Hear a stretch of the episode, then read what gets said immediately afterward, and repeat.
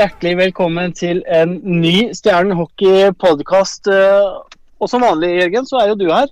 Ja, og det her er en podkast jeg har gleda meg utrolig mye til. Vet du hvorfor? Nei, fortell. Fordi at i dag skal vi ta for oss tabelltips. Og du vet det at når vi kommer med tabelltipset, Patrick, så er det tett opp til seriestart. Ja, nå er det ikke lenge igjen, og den eh, kan du si sommerferien har vært utrolig lang. Ja, så sommerferien. eh, Siste Stjernen spilte tellende kamp var 2. januar. Jeg har aldri venta så lenge på hockey noen gang. Nei, nå har det vært eh, veldig lenge siden, og det skal bli ordentlig godt å komme i gang igjen. Ja, eh, nytt av året. Vi må jo passe på å reklamere litt her også, Patrick. For den eh, podkasten her kommer jo ut før eh, serieåpninga hjemme på lørdag mot eh, Vålerenga. En kamp som starter 18.00, og klokka 17.30, Patrick, da er vi klare. Endelig er vi også klare. Vi hadde jo et, eh, vil jeg si, et eh, bra gående livestudio i fjor. Eh, Nå har vi fått nytt studio, Jørgen. Ja, nå har vi vi- til og med bygd oss inn, slik at lyden skal bli vesentlig bedre. Og i tillegg til det så kommer vi også til å være en del på storskjermen underveis i matchene. Der publikum nå får intervjuer og alt sammen med, med spillerne idet det går av isen, og vi får trenerintervju en halvtime før kamp. Og det, det kan lønne seg å være litt tidlig ute i Stjernehallen også, for det, det skal skje litt ting før, eh, før kampen starter her. Ja da, det, det gjør det, og jeg, jeg gleder meg bare til å komme i gang igjen. Jeg. Få, få sett litt hockey og, og snakka med de rundt, og, at vi da selvfølgelig eh, er på, på livestudio før, før kamp og i pausene og etter, etter kamp. Ja, og det foregår da som vanlig på klubben sine Facebook-sider. Og vi oppfordrer jo folk da til å følge med på det som skjer. Og hvis du ikke har eh, fått tak i billett til, til å være i hallen, så må du i hvert fall følge med. Men samtidig så kan du også følge med når du da er i hallen. Så det er eh, Vi håper jo at folk har lyst til å følge oss i år også. Absolutt, absolutt. Eh, ellers er det jo sånn at Vi skal jo da gå gjennom eh, tabelltipset her, Patrick. Jeg skal bare ta en liten ting her først. Mye av det vi snakker om i dag, ligger ute på hockeyforum.no. Og Der ligger det også filmsnutter og linker til diverse spillere og til eh, ting som skjer rundt i diverse laga. Så gå inn der og les.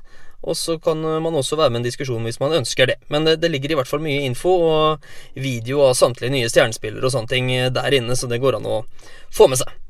Men Patrick, vi skal begynne med tabelltipset, og hvordan skal det foregå?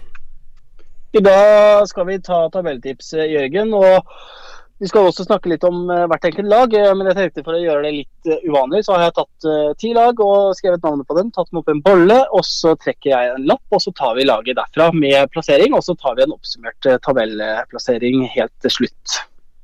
Det høres veldig ålreit ut, så da håper vi rett og slett at dere lytterne kommer til å kose dere med tabelltips. Og som vanlig så kommer dere helt sikkert til å være uenige med Patrick og meg, og det, det lever vi godt med.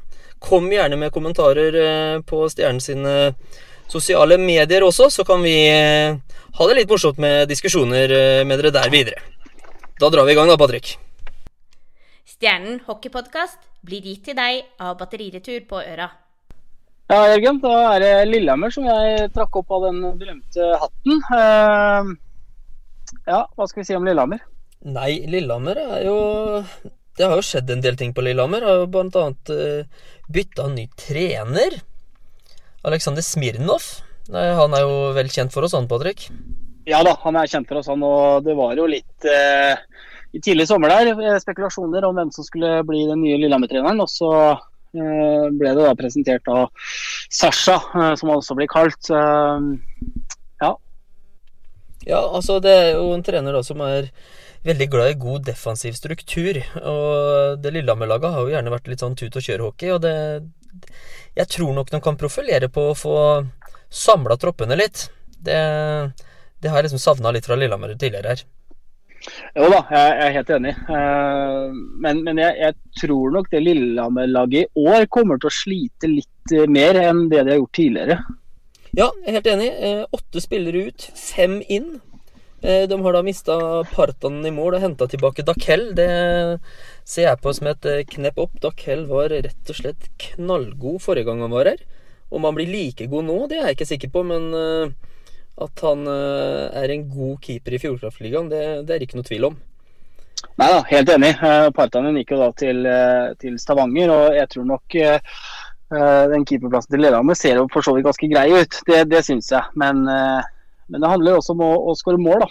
Ja, helt klart. Og når vi tar for oss Lillehammer her Vi, vi har eh, rett og slett landa Lillehammer på en sjetteplass, Patrick. Og det går litt på de spillerne de mister her. Ellis har gått i stjernen, da. Kvål har forsvunnet ut. Stein Tore Bakken har lagt opp. Kangelosi har forsvunnet i stjernen. Eh, Julius Persson til Danmark, Imset Stormli til Stjernen, og Ben Holmstrøm har også reist hjem over dammen. Og så har de da erstatta disse med da Kelly mål, som sagt. Jonas Medby, Vurisalo på bekken. Reichenberg har eh, kommet eh, inn. Og Gymer fra Finland. Det er mange spillere som har gått ut, og ikke like mange inn. Samtidig som en ny trener kommer inn og får litt mer struktur. Men den derre spissen foran her i forhold til det med en målskårer som Kangelosi. Jeg er ikke sikker på at Gymer er like bra der.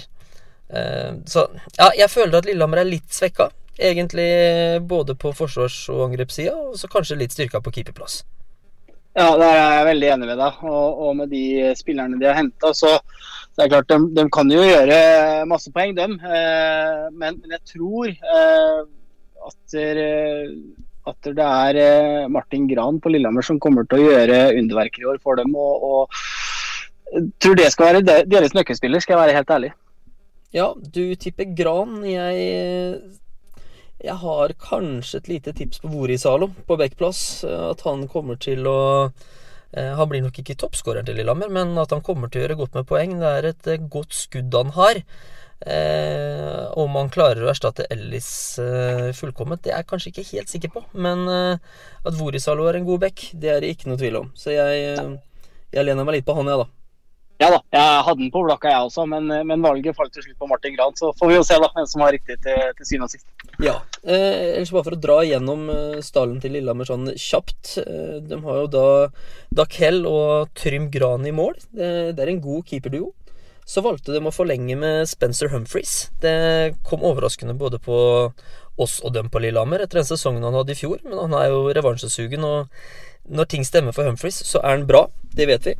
Eh, ellers så på Bekkplass da, så har de da Hagen, Rønningen, Sakshaug og Bjerke. Og på løpersida så har vi jo selvfølgelig da Vi skal jo ikke glemme Nick Denin her. Eh, han, har, han har vært voldsomt god i oppkjøringa. Ja da, han har vært eh, veldig god, han. Du glemte vel også en bekk der i Jonas Myndi. Ja, som har kommet inn fra Stjernen. Uh, og jeg tenker også for Jonas sin del så kan det være greit med et nytt uh, skifte igjen.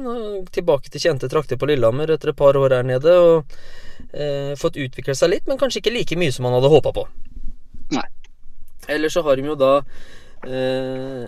Eidsa, da. Det er jo Evig unge Eidsa er kontinuitetsbæreren der oppe, som blir viktig. To Blad Ellingsen, Fristad, Gran Homdrom og så skal vi også nevne da at de har signert Andreas Martinsen for tre nye år. Ja, det, det, tror jeg ikke er eh, Det er litt sånn vanskelig å si, selvfølgelig. Eh, litt som vi snakka om før vi spilte inn, Jørgen. Så, så, så for at, eh, for at det Lillehammer-laget her skal heve seg et par plasser som vi har satt dem på. Da. Det er jo ikke selvfølgelig sikkert at det er fasiten, men, men så handler det også om at, at Martinsen må, må, finne tilbake til, til sin gamle jeg, på en måte. Hvor han er stor og sterk og, og kan bevege både kropp og puck. Og, og, gjøre det enkelt for medspillerne. Eh, jeg, jeg syns vi har sett litt for lite av Martinsen i Lillehammer til en sånn spiller å være. Ja, jeg kan også være litt enig i det. Så ble jo den sesongen i fjor veldig oppstykka. Men eh, det er klart Martinsen er viktig for det laget med den erfaringa han har. Fordi at eh, de har jo både Nihus og Nystuen og Daniel Sakshaug i tillegg. Og mitt syn på Lillehammer nå er at det er jo veldig mange spillere veldig tidlig i 20-åra, eh, fra 21 til 24, som nå må vise at de har tatt et knepp videre i karrieren sin hvis Lillehammer skal beholde den femteplassen i fjor. Og jeg frykter nok for Lillehammer at det er for mange unggutter på én gang som må heve seg betraktelig. Og det, det kan være vanskelig for dem. Jo da, helt enig. helt enig. Men, eh, men det gjenstår å se. da, Brått og klaffer det i alle ender på Lillehammer, og så, så, er de eh, oppe i toppen med en gang. Det, det, vet man jo ikke. Ja, ja, og som vi snakker mye om her, så er det jo det at uh, sesongen i år, fra første til sjuendeplass, den kommer til å bli jevn. Og hvis ting klaffer for Lillehammer, så kan de fort uh, klatre både én og to og tre plasser. Absolutt. Så det Nei, men skal vi si oss ferdig med Lillehammer da, eller Patrick? Det tenker jeg vi gjør for den gang. Jepp. Og da skal vi bevege oss videre til eh, neste lapp, eh, Jørgen. Her har jeg plukka opp Storhamar. jeg. Ja, Storhamar, det, det er en klubb som har hatt en litt krøkete oppkjøring, vil jeg si. Jo da, de har eh, ikke hatt flyten med seg. Kanskje litt vanskelig å spå dem, selvfølgelig. Men vi har valgt å legge dem på en fjerdeplass, vi. Ja, det har vi, og litt av grunnen til det er at det er mange spillere her som eh, har forsvunnet ut, som er viktige kontinuitetsbærere. Blant annet av Christian Larivé. Det er jo talismanen og legenden på Hamar. Det trenger liksom ikke å snakke noe mer rundt han. Eh, Robin Dahlstrøm har valgt å lagt opp, har kontinuitetsbærer og vært der oppe. Ole Einar Egeland eh, er en unggutt som har gått i Stjernen. Det skal vi være glad for. Og Hafsmo har forsvunnet ut. Samtidig så har de da henta inn Samuel Solem, som da har eh, fått eh, litt tid på landslaget her. Eh, defensiv forward som har tatt stegene i Sverige. Det er en spennende og god signering, selvfølgelig. Og så har de da signert Andreas Dahl for fremtiden. Kom fra Nidaros. Veldig spennende spiller. Eh, Unggutt som eh, produserte godt i førstedivisjon i fjor. Det blir spennende å se om han tar steget opp i Fjordkraftligaen her. Og så har de da gjort en eh, kjempesignering, etter mitt syn, og det er eh, Robin Haglund Mathisen. Toppskåreren til Manglerud i fjor. Eh, han toppa jo toppskårertittelen nesten fram til jul, og var rett og slett enormt bra for det MS-laget. Men det er de spillerne der de har fått inn, da. Så i forhold til de de har mista, så jeg ser vel ikke noe Pluss at de har litt skadeproblemer nå, så jeg ser ikke Storhamar som er sånn helt opp i toppen. Det gjør jeg ikke. Nei, jeg, jeg er helt enig med deg. Og hvis man har fulgt med litt i sosiale medier, så, så har det vært snakk om at det mangler jo en bekk. Eh, som, som de visst var veldig klar over selv og, og har brukt litt lang tid på å finne. Man har sånn jeg forstått ikke funnet eh, en erstatter enda. Eller ny bekk, da, kan du si. Og det er klart at da ser det jo litt, eh, litt svekka ut defensivt. Eh, Thoresen har slitt med en liten skade nå i den eh, lille turneringa de hadde på Hamar. Eh, og det er klart hvis han eh, skulle fått en litt uh, styggere skade, da, som gjør at han blir stått på sidelinja. Uh, Hagel Mathusen må, må da inn og, og produsere for et Storhamar-lag som skal ligge i toppen. Uh, så tror jeg det skal bli veldig tøft for Storhamar, skal jeg være helt ærlig. Ja, og så er det eh, Hvis du tenker på norske sida til Storhamar, så snakker de om at ja, eh, den har alltid vært så stabil og bra. Men samtidig så har jeg titta litt eh, dypt i statistikken her. Eh, hvis du tar med Joakim Jensen, Thoresen, Arleholm, Bakke Olsen og Noer, så er de faktisk de eneste nordmennene som har fått ett poeng eller mer i snitt per kamp siden 2014-2015-sesongen. Mm. Eh, og sånn som det er nå, så har de jo ikke henta de import eh, importkanonene heller, så jeg er litt spent på Jeg er litt spent på hvor mange av dem som faktisk da kommer til å ta nok poeng. Og det, det skal jeg komme tilbake til litt mer når vi skal snakke om Vålerenga etterpå. Eh, men, eh, men for min del nå så er det litt sånn Den første rekka til Storhamar er kanongod. Med Thoresen, Bakke-Olsen og Arlholm. Det er eh, kanskje den beste rekka i landet. Men bak der så, så er det et jevnt besatt, godt lag. Men kanskje ikke dem som produserer mest. Så derfor så tenker jeg at vi Jeg tror ikke jeg vil ha Storhamar noe høyere enn fjerdeplass, jeg også. Nei, jeg er helt enig med deg, og det var det vi diskuterte litt, du og jeg også. Men, men det er klart, det får, inn en, en, en solid bekk da, i løpet av kort tid, og, og de nye som har, som har kommet, eller, eller Storhamar generelt sett, klarer å prestere langt bedre enn det de har gjort i oppkjøringa, så er det fort gjort at de eh, kan knipe seg opp på en tredjeplass også. Det vet man jo ikke. Eh, Man sier jo at ligaen ser veldig jevn ut, spesielt fra første til syvendeplassen.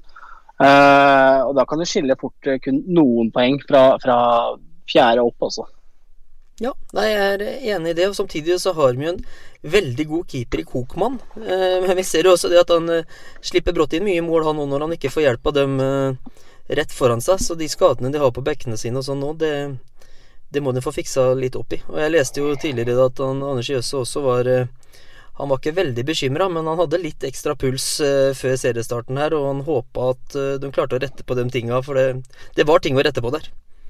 Ja da, absolutt. Og så har jo Bendik Eriksen i HA han eh, skrev jo også på Twitter at det ble en god del mål i sekken på i løpet av 90 minutter, eller?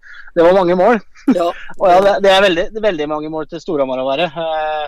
Eh, det er klart De ryker på 9-1 mot Sparta i en treningskamp, og man skal ikke legge altfor mye vekt i det. Og, og, men allikevel altså, går de inn og taper med stygge sifre mot andre lag også, som de skal kjempe mot uh, og, og, i toppen der. Så, så et Storhamar-lag som er svekka i, i serieåpninga, det, det, tror jeg vi vil se kontra de tidligere åra. Ja, og Storhamar møter jo da Ringerike på Hamar. Og det er klart, med den formen Storhamar har vært nå, så er det en takknemlig motstander, det, kontra det å skulle møte et av de anta topplaga i, i starten. For det er klart, vinner man den første kampen og får litt flyt, så er det rart hvor fort ting snur. Ja da, ja da, jeg er helt enig. Eh, men det er å se, det Ringerike når den var oppe sist, og vant vel mot Frisk Asker i deres seriepremiere, så vi får, ja, får jo vente og se. det blir veldig spennende. Men uh, vi har da Storhamar på fjerdeplass. Da Jørgen, da trekker vi lapp uh, nummer tre. Og her har vi, ja, som vi har sagt, seriemester. Vålerenga hockey på førsteplass. Ja, det er i, blant veldig mange eksperter for tida, så har jo dem Vålerenga på førsteplass. Så vi skal ikke kalle oss noen eksperter, Patrick, men vi har satt dem på førsteplass, vi òg. Jo da, vi har det. Og det er jo tatt i betraktning med det laget de har. Eh, nye Jordal Amfi selvfølgelig, som, som, var åpen også i fjor, men med, med publikum i år. Eh, så, så, vet vi at uh, Vålerenga der inne og Vålerenga når de er reiser, det er et vanskelig lag å møte. Og, og i år så ser det veldig bra ut, det laget de har fått på plass. Ja, det er en liten tvil om det. Eh, de har i tillegg da skifta trener. Roy har forsvunnet ut, og inn har Kenneth Larsen kommet etter eh, flere år i Lørenskog. Han har jo også tidligere spilt for Vålerenga og kjenner kulturen på Jordal godt. og det, det kan jo hende at en trener, eller trenerskiftet der har vært positivt for dem også. Men uh, bakerst da, så har de Søberg og Breivoll i mål. Uh, Breivoll er et kjempetalent, og Søberg har vært blant ligaens beste keepere i flere sesonger på rad. Var ikke helt på høyden i fjor, men samtidig så var ikke defensiven til Vålerenga like bra, den heller. Eh, de hadde en del stygge tap i fjor, bl.a. 4-0 mot eh, Lillehammer, 4-1 borte mot Narvik, og for ikke glemme 8-1 i Stjernehallen. Så eh, det var et litt utypisk Vålerenga-lag. Ja da, og det så man jo også. og For de som sikkert har sett på Iskrigerne også, så var det jo ikke så veldig sånn god stemning i garderoben etter de tapa deres. Og, og, det er klart at der, Jeg syns vi så et veldig sånn berg-og-dal-bane til Vålerenga i fjor. Eh, noe jeg ikke tror vi kommer til å se så mye til i år. Nei, helt klart. Og det, eh, det tror ikke jeg heller. Men eh, samtidig, backkorpset til Vålerenga, det er det er noe av det beste vi har sett offensivt, vil jeg påstå. Med Taimi Espeland, Kalle Ekelund, Strøm, Daniel Sørvik, da, og så har de to unggutter i Vikstøl og Holm Larsen. Og I tillegg så er det jo sagt at de, ønsker å hente inn en stor defensiv eh, back her i tillegg. Og da, da ser det virkelig skummelt ut, hvis de får på plass en bra back der. Ja da, det gjør det. Og ikke nok med at det ser skummelt ut fra før av, men uh men eh, det er klart, de, de, de sier jo sjøl at de skal være med i toppen og de skal kjempe der oppe. Så, så, så, med det laget de har nå, så ser det veldig bra ut. Og kanskje får de en til da, så, så vil man nesten spikre det. Men det, alt skjer i hockey, det gjør det jo. Ja da. Eh, I tillegg så har vi på løpersida henta inn Partanen fra Finland. Eh, de har Sundberg igjen fra i fjor, de har Filip Lalland, de har eh, Lindstrøm, som er en eh, målgarantist. I tillegg så har de henta Pontus Finstad fra Manglerud. Spennende unggutt som var veldig bra der i fjor. Og han har sett veldig frisk ut i oppkjøringa deres også. Så har de jo da Vi skal jo da ikke glemme at de da har henta tilbake Olimb. Hva tenker du om den signeringa, Patrick? Nei, Det er en fantastisk signering for, eh, for Vålerenga og fansen rundt der. og Jeg syns det er morsomt sjøl at Olim går tilbake, for han er en veldig veldig god hockeyspiller som, som gjør mye. Og, og, For de som har sett uh, Olimb spille hockey, så, så, vet de hva han står for. Uh, det var jo litt spekulasjoner om han skulle gå til Frisk eller ikke, men, uh, men Vålerenga signerte den avtalen der, og, og det, det, er bra for Vålerenga selvfølgelig. Og så blir det om frydens da, å se på han når han uh, skal ut og spille hockey. Ja, det er ikke noe tvil om. Og de har jo da gamle traveren også Jonas Oppøyen, som uh, har vært i klubben mange år.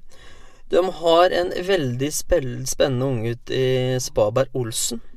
Nå er jo begge brødrene der, men uh, denne yngstemannen der uh, tror jeg kommer til å gjøre en kjempesesong i år. Ja da, og det trenger jo også Vålerenga. Å få fram de, de unggutta sine for, for, å styrke stallen også Eh, jeg, jeg, er litt spent på, på Finstad, uh, Pontus Finstad. For det bare en spiller som, som MS uh, skulle liksom ha litt opp og fram, og så, og så har han valgt å gå til Vålerenga.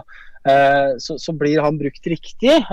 Også da i en av de kanskje litt høyere rekkene, som, som gjør at han kan produsere mye mål og, og være med på mye ute på banen der så blir han veldig god. Men, men, er han litt uheldig og blir kanskje satt i en rekke eller to ned, så, så er det ikke sikkert de ser så mye til han. Nei. Eh, I tillegg så har de da eh, Thomas Olsen, og så har de da Karterud, Røymark og Brekke Henriksen på løpersida her. Og det, de kan utvilsomt stille fire meget gode løperekker, og det er eh, tilnærma nesten et komplett lag, det Vålerenga-laget her, altså. Ja, det, det er kjempesolid, det laget der. Og, og det blir vanskelig å slå både Vålerenga hjemme og borte. Men eh, men det er klart, har Vålerenga en litt sånn dårlig flyt og en, en litt down-periode, så, så, er det viktig å, å være på, på, jobb med en gang og, og, sørge for at man kan ta med seg de poengene man kan ta med seg. For Vålerenga er jo selvfølgelig ikke uslåelige, det er de jo ikke. Men, men, det ser jo veldig vanskelig ut da, det gjør det. Ja da, og så er det jo det når de da Tilbake til det, De mista jo Sondre Olden, og det er jo en klassespiller i norsk målestokk. Men når de da erstatter han med Olimb, Olimb så, så klarte de jo det. Eh, det de også mister her, er jo Filip Gunnarsson, da, som har gått i Stjernen. Det er jo en spiller som sier ifra i garderoben og har vært med på det var ni sesonger han hadde i Vålerenga her, og det er klart det, det er en kontinuitetssperre de mister der òg. De, de, vil nok savne i garderoben. Ja da, det tror jeg også. Og som, som igjen, da, som vi så på Iskrigerne, så var han jo veldig helt på grøten der i, i Stjernehallen. Ikke fornøyd eh, og sa klart ifra. og det er klart, Filip Philip har, eh, tror jeg personlig har vært en viktig brikke i Vålerenga-laget. Og jeg er veldig takknemlig for at han har kommet til Stjernen. Ja, det er det ikke noe tvil om. Men uh, som sagt, vi har da Vålerenga på førsteplass. Da Jørgen, beveger vi oss videre til neste lag, lapp nummer fire. Her står det Ringerike. Ja, og der eh, sjokkerer vi kanskje en del, eh, Patrick, ved at vi rett og slett legger Ringerike på sluttspillsplass? Ja, det er jo også en grunn til det, selvfølgelig. Eh, litt eh, kanskje ambisiøst valg, men, eh, men, jeg tror, som også jeg har forstått det på Ringerike, er at de er tilbake i ligaen. De skal kjempe om den siste sluttspillsplassen. Det hadde vært litt morsomt om de hadde tatt den åttendeplassen, jeg må si det. Ja, og som vi har snakka tidligere om her nå også, så er det fryktelig jevnt fra første til sjuende. Og vi tror også det blir veldig jevnt med åttende til tiendeplassen.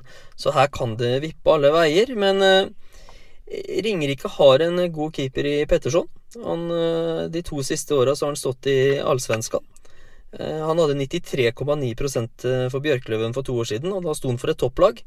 Eh, I fjor sto han for Kristianstad, som eh, slapp inn voldsomt mye mål, men det var ikke bare hans feil. Og da var han nede i 86,3 jeg, jeg tipper at han kommer til å havne over 90, og hvis han gjør det, så har Ringerike en veldig god keeper nede i, nede i bunnen av tabellen der.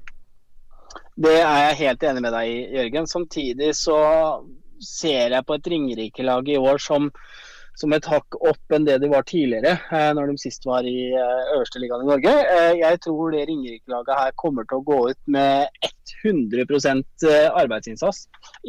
Og jeg tror de kommer til å gjøre vondt verre for flere lag enn det MS og Grüner kommer til å gjøre. Som igjen gjør at vi velger å ha dem på en åttendeplass. Ja, og i tillegg så har de jo da henta inn på løpersiden her Brett Pellini og David Oslin. Og det er to spillere som, eh, som er kapable til å gjøre mye poeng. Jeg eh, anslår jo at eh, begge disse guttene kommer til å Ja, Åslin rundt 0,7 poeng i snitt, og Perlini kanskje opp mot 0,8-0,9 poeng i snitt. Og hvis de gjør det, så, så har de den lille Hva skal vi kalle det? X-faktoren som Gryner og MS ikke har. Jeg er helt enig. og så så man jo sist da når Ringerike var oppe i seriepremiera, så slo de jo Frisk Asker. Og de har vært eh, vemmelige for alle andre lag også. De hadde vel noe overtid mot Storhamar. Eh, jeg husker ikke hvordan det gikk med, med, med, Stavanger den perioden her. Men eh, jeg tror også, han gått med der. Og jeg tror at det Ringerike-laget her kommer til å gjøre, gjøre seg godt i, i, i ligaen. Og, og være en kjemper om den åttendeplassen. Ja, og så er det det at eh, med en solid keeper, så har de også da henta inn eh, litt spillere her og der, men eh, Linus Rosdal, som var i Komet i fjor, holdt jo på å få plass i Frisk Osker for et eh, par år siden her. Eh, altså eh, Han ville ikke vært god nok for et topplag, men eh, blant de laga i bunnen av tabellen, så er det en solid forsterkning. I tillegg så har de da Haugom på lån fra Stavanger. Så ja, backbesetninga, i tillegg til de de har hatt fra før, føler jeg er eh, ganske så bra. I tillegg så forventer man jo litt av denne Papalardo Gulbrandsen eh, på løpersida her, da. Det, det gjør man, det gjør man. Og så blir det jo spennende å se om Ringerike klarer å ta opp hansken og slåss på den eh, plassen eh, vi har valgt dem på. Men, men det er som vi sier, da. Første til syvende kommer til å bli veldig jevnt. Fra syvende og ned til åttende så tror jeg det kommer til å være et litt gap der. Åttende, niende og tiende kommer til å kjempe eh, helt inn om den siste sluttspillsplassen. Ja, så vi har da Ringerike på sluttspillsplass, og jeg tror ikke de hadde blitt lei seg hvis de hadde klart å kapre den. Nei, det tror ikke jeg heller. Så da blir det vel fest på Ringerike, antageligvis. Men eh, vi skal jo også si at Sjongshallen er jo ikke den enkleste hallen å spille i heller, så hjemmefordelen til Ringerike gagner nok mer enn de, de to andre laga nå. Da beveger vi oss eh, videre, Jørgen, til eh, hva det blir nå. Er det lag nummer fire? Fem, kanskje? Eh, Det er oppå hatten Stavanger.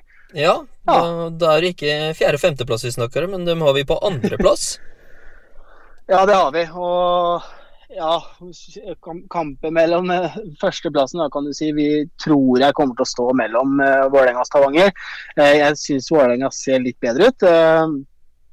Får Stavanger den flyten de ønsker, og ikke den tamme seriestarten de hadde i fjor, så, så er de hele veien inn også. Men, men basert på det jeg har sett av Stavanger nå, med, med, med spillere og osv., så, videre, så, så er det en andreplass eh, vi setter dem på. Ja, og Stavanger fortsetter jo med ganske mye av de samme spillerne som i fjor. De, eh, en del av importen har forsvunnet ut, og at de har fått noen eh, nye spennende importer inn. Blant annet Whitney, som kommer fra Dell. Og han fikk ikke forlenga kontrakta der fordi han eh, var skadeplaga. Skrev Iselon på sine hjemmesider. Han har ikke sett skadeplaga ut i oppkjøringa til Stavanger her, i hvert fall, for han har vært meget god.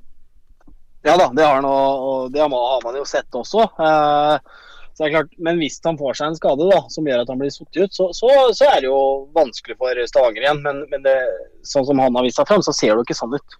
Nei, og i tillegg så har de henta inn Lefebvre, hvis jeg sier uttaler det riktig. Er en eh, veldig spennende bekk som har slitt litt med skader i oppkjøringa, han da, men eh, han er på vei tilbake her, og tilbake på is nå, og det, det er en spiller som kommer til å synes godt i ligaen, for det, det er en klassebekk. Ja da, absolutt. Eh, Men, men det er som jeg sier, igjen, jeg, jeg, tror dessverre ikke det holder helt inn også på Stavanger. Men eh, det er klart det er vanskelig å si. Eh, Du kan vel kanskje dra oss gjennom de resterende spillerne. Ja, det kan jo alltid gjøre det, men Stavanger har igjen vært på tokt i Sarpsborg. Har jo da henta Kristoffer Karlsen denne gang, og Anders Tangen Henriksen. Eh, Anders Tangen Henriksen fikk vel ikke forlenga i Sarpsborg, og den er jo grei, for han er jo fra Stavanger og kom tilbake til, eh, til klubben sin. Men Kristoffer Karlsen var eh, verre å miste for eh, sarpingene, og det, det er jo en spennende unggutt som eh, kommer til å eh, Hva skal vi si? Eh, Han blir jo ikke en eh, førsterekkespiller i Stavanger, men han eh, er jo en meget god breddespiller. Ja da, Kristoffer Karlsen er en eh, spiller man uansett skal se opp for. For han er eh, skøytesterk og teknisk. Eh, mangler kanskje litt størrelse, men, men han klarer å gi fra seg for det. Også. Det, det skal man ikke eh, legge under stol. Nei, og for de fleste, for de fleste lagene i serien så ville jo han vært en toppspiller eh, antageligvis kanskje de fleste førsterekkene rundt omkring, mens eh, Stavanger klarer da å unngå det, og det, det sier jo litt om eh, styrken der, det òg. I tillegg så har de jo da henta inn en spennende importspiller i Burton. Eh, og det, han har jo spilt sammen med Riley Brace. Og jeg var jo frekk nok til å spørre om Riley om denne Burton, og da fikk jeg tilbake at det var en veldig hyggelig fyr, for han hadde vært eh, forloveren til, eh, til Riley i bryllupet hans. Eh, Så han hadde ikke noe vondt å si om han. Det han sa var at han var meget god til å droppe, og så langt i oppkjøringa her så har han vel droppa til 66% så det vil jeg si at det, det stemmer bra. I tillegg så er han god offensivt, selv om han har hatt litt defensive roller over dammen, så han Riley mente at eh, Burton kom til å vise seg fram her. Så får vi håpe at han ikke blir eh, for god. ja, vi trenger jo ikke det. Eh, og litt det du er inne på med dropper, da. Hvis han sånn som i år, da, med ny regel, hvor, hvor et lag slår icing, så kan du på en måte velge hvem side du vil droppe på som det offensive laget. og det kan gjøre til slutt underverker, tror jeg. Og, og har du da såpass god dropper i, i Burton som, som, gjør at du kan vinne de offensive droppene til fordel for eget spill og, og kunne plassere seg i offensiv sone, så, så, er det klart da kan det bli mye mål av det også. Ja, det, det, er helt klart. Så Nei, Stavanger er som vanlig spennende, og de har jo da Dan Kissel. Eh, det er jo en garantist for mål og poeng. Det, sånn er det jo bare. Ja, det er jo det. Han er jo en fryktelig god hockeyspiller. Eh, han er eh, alltid nær og, og, og, gjør seg spillbar og er flink til å, ha overblikk og, og, gjør de små tinga som kanskje ikke man legger så veldig mye merke til. Men, men en god hockeyspiller, og det Stavanger-laget her også, som, som Vålerenga ser jo veldig solide ut, de gjør jo det. Ja da, og så bakerst så har vi jo da Henrik Holm, Fredrikstad-gutten i mål, og han er jo også blant ligaens eh, desidert beste keepere. Ja da, det er han jo. Uh, han, er, han, er, også kjempegod. Og så har vi fått inn Partanen, som, som de har henta fra, fra var det Lillehammer? Narvik? Ja, Lillehammer, ja. ja. Lillehammer til Narvik, og så fra Narvik til Stavanger, ja. Ja, stemmer. Og så har de jo en unggutt i han eh, Vikstøl, er det vel han heter. 99-modellen, eh, eller 2000-modellen, jeg husker ikke helt. Som, som, også vil jo ha litt spilletid, men, men Henrik Holm i, i, sin form, så, så stenger han fort igjen buret også. Det gjør han jo. Ja, og, det er vel også derfor partene kom inn. For at han Vikstøl har vel hatt noe hjernerystelse som han fikk eh, tilbakefall av her. Så eh, den tok vel rett og slett ikke sjansen på å gå med én keeper fra starten. Og det var vel derfor de henta partene også. Ja, stemmer. Ja, eh, ellers så har jo da det backkorpset til Stavanger Det er jo trygt og godt, det med Nikolai Brynisveen, Andreas Klavestad, Rokseth Sveum, Patrik Ulriksen, Christian Østby og da i tillegg Jeppe Maier og denne Martin Lefebvre. Så det er, eh, det er et tungt defensivt og godt lag. Det, det er det ikke noe tvil om. Nei da, det, det er eh, tettere enn ganske mye bak der også. Eh, så er det viktig for de andre lagene selvfølgelig være veldig kreative, men, men du skal godt hamle opp med, med, å sanke mye mål mot Stavanger i år, for det, det, tror jeg ikke du kommer til å gjøre også. Nei, eh, og det er vel litt derfor også jeg har Stavanger på andreplass kontra og, og rett og slett ha Vålerenga på første. Det er at eh, bekkene til Stavanger tror jeg ikke kommer til å produsere like mye offensivt, og det vil nok kanskje gi Vålerenga fordel. I sluttspillet derimot, så kanskje det blir stikk motsatt. Det, det får jo tiden eh, vise. Ja, absolutt. Så, men det blir gøy å se uansett, da, for å se hvem som kommer seg best ut av den situasjonen der. Det er som du sier, uh, Vålerenga ser litt mer uh, offensiv ut på den, på den, defensive rollen, kan du si, uh, kontra Stavanger. Og, og, det gjør også at vi har plassert dem på en andreplass. Ja. Jeg kan også bare dra kjapt gjennom resten av løperne til Stavanger her. Det er jo da spennende unggutt i Berg Paulsen. De har to, to hoffer i Ludvig og Magnus. Sander Hurred har vært veldig bra i oppkjøringa her. Så har de jo selvfølgelig da Eh, Tommy Christiansen. Det, det, er jo en kjempeprofil i norsk hockey. Vi skal være glad vi har sånne spillere i ligaen, selv om vi ikke alltid liker at han er i Stjernehallen. Men uh, du verden, uh, vi trenger sånne profiler. Ja da, Tommy Kristiansen er fin fyr, og han vet akkurat hva han skal gjøre på banen der for å fyre opp både spillere og publikum. og, og vet det, og, og, selvfølgelig når han da er en av de som setter de måla, så, så vet han også hvor han skal gå hender for å være litt og, og spre litt eh, kvalme rundt seg. og Det, det er bare gøy. Jeg, jeg syns Tommy Kristiansen er en eh, kjempekoselig fyr, og han er også en veldig god hockeyspiller. Ja, uten tvil om det. I tillegg da eh, skal vi ikke la være å nevne Markus Søberg, for det er en spiller jeg tror eh, Nå har han blitt eh, jeg tror det er 26 år, og den sesongen som kommer nå, så tror jeg det virkelig på en måte løsner for han. Han hadde 17 poeng i fjor på 24 kamper, og nå tror jeg faktisk at han er kapabel til å komme seg opp mot nesten ett poeng i snitt. Fordi at han har sett eh, veldig bra ut her, syns jeg. Ja da, og så er det jo også en fin størrelse på han, eh, som gjør at han er stor og sterk og, og kan bane litt vei. Teknisk god er han også, og samtidig skøytesterk. Så får han det til å stemme, så er jeg helt enig med deg, Jørgen. Han kommer til å, å dra med seg en god del poeng. Ja, og så utover sesongen i fjor så ble jo Stavanger veldig, veldig bra. Eh, de starta sesongen horribelt og lå vel på nedrykksplass etter åtte-ni kamper her. Og det, Den starten tror jeg ikke de får i år, og de er nok eh, å regne med i toppen allerede fra starten av.